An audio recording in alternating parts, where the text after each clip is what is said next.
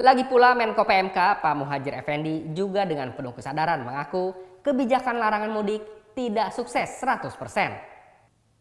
Tapi juga tidak gagal. Kerja telah tiba, kerja telah tiba. Hore, hore. Sekarang syuting lagi. Seneng banget masuk gawe. Ya iyalah, di rumah aku cuma ngabisin rengginang doang sama Yang gawe kan, syuting. Aduh, makan mulu. Itu lebaran ya. Enggak kan, habisin aja dulu. Ah, Enak, lihat orang. Selamat datang di Berita Buru-Buru, terdepan dalam mengobarkan. Bersama saya, Mr. Kece. Kami kembali setelah perut terisi penuh oleh kuliner santan di hari pertama lebaran dan bakso dorong pada lebaran hari kedua. Ke mana Pita Sili?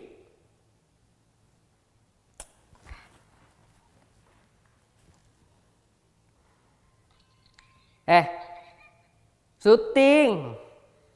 Eh, baca berita baru bangun tidur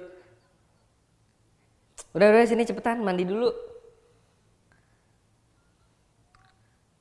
yeah.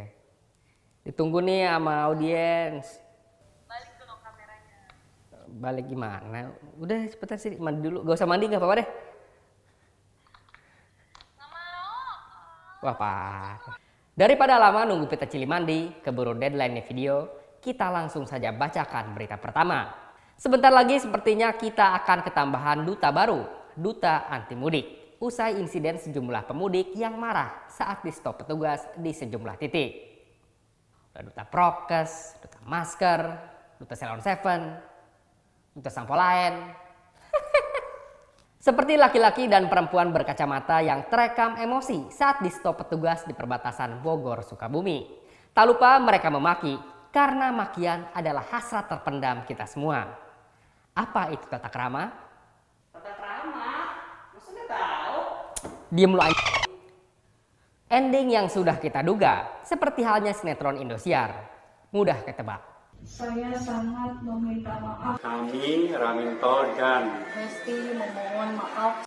Lebih mirip ending ikatan cinta sih. Sepertinya kita tidak lagi harus mengurusi masalah orang lain. Fokus saja pada menjaga kesehatan anggota keluarga inti masing-masing. Lah, kenapa jadi dokter cerita gini gue? Kembali ke peng, peng, peng. Gimana dok? Udah mirip belum? Kita tinggalkan saja berita pertama tadi. Next. Berita kedua yang saya bacakan datang dari menteri paling sibuk kedua selama COVID. Pak Budi Karya Sumadi. Pak Menhub kita. Nomor satunya siapa? Terawan. Eh udah bukan menteri lagi ya. Setelah jutaan pemudik berhasil menjebol penyekatan petugas, tentu tidak akan mudah bagi mereka untuk kembali ke ibu kota. Pasalnya, petugas akan cek random rapid antigen. Lagi pula, kebijakan ini diklaim bukan untuk bikin susah pemudik. Iya. Sip. Dari raut wajahnya, Pak Menhub memang begitu percaya diri. Apalagi menurut beliau, kebijakan pelarangan mudik tahun 2021 dapat diterima baik oleh masyarakat. Iya.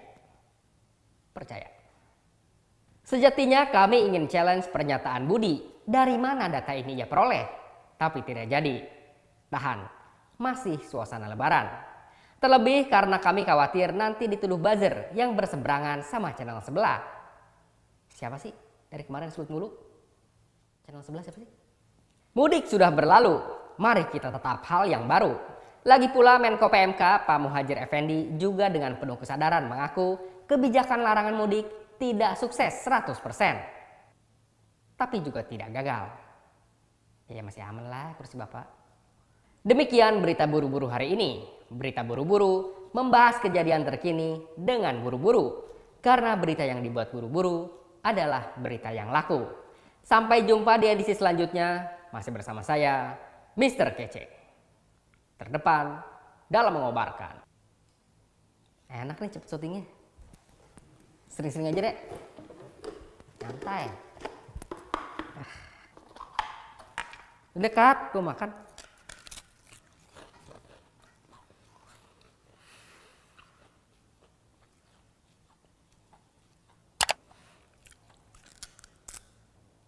Cut.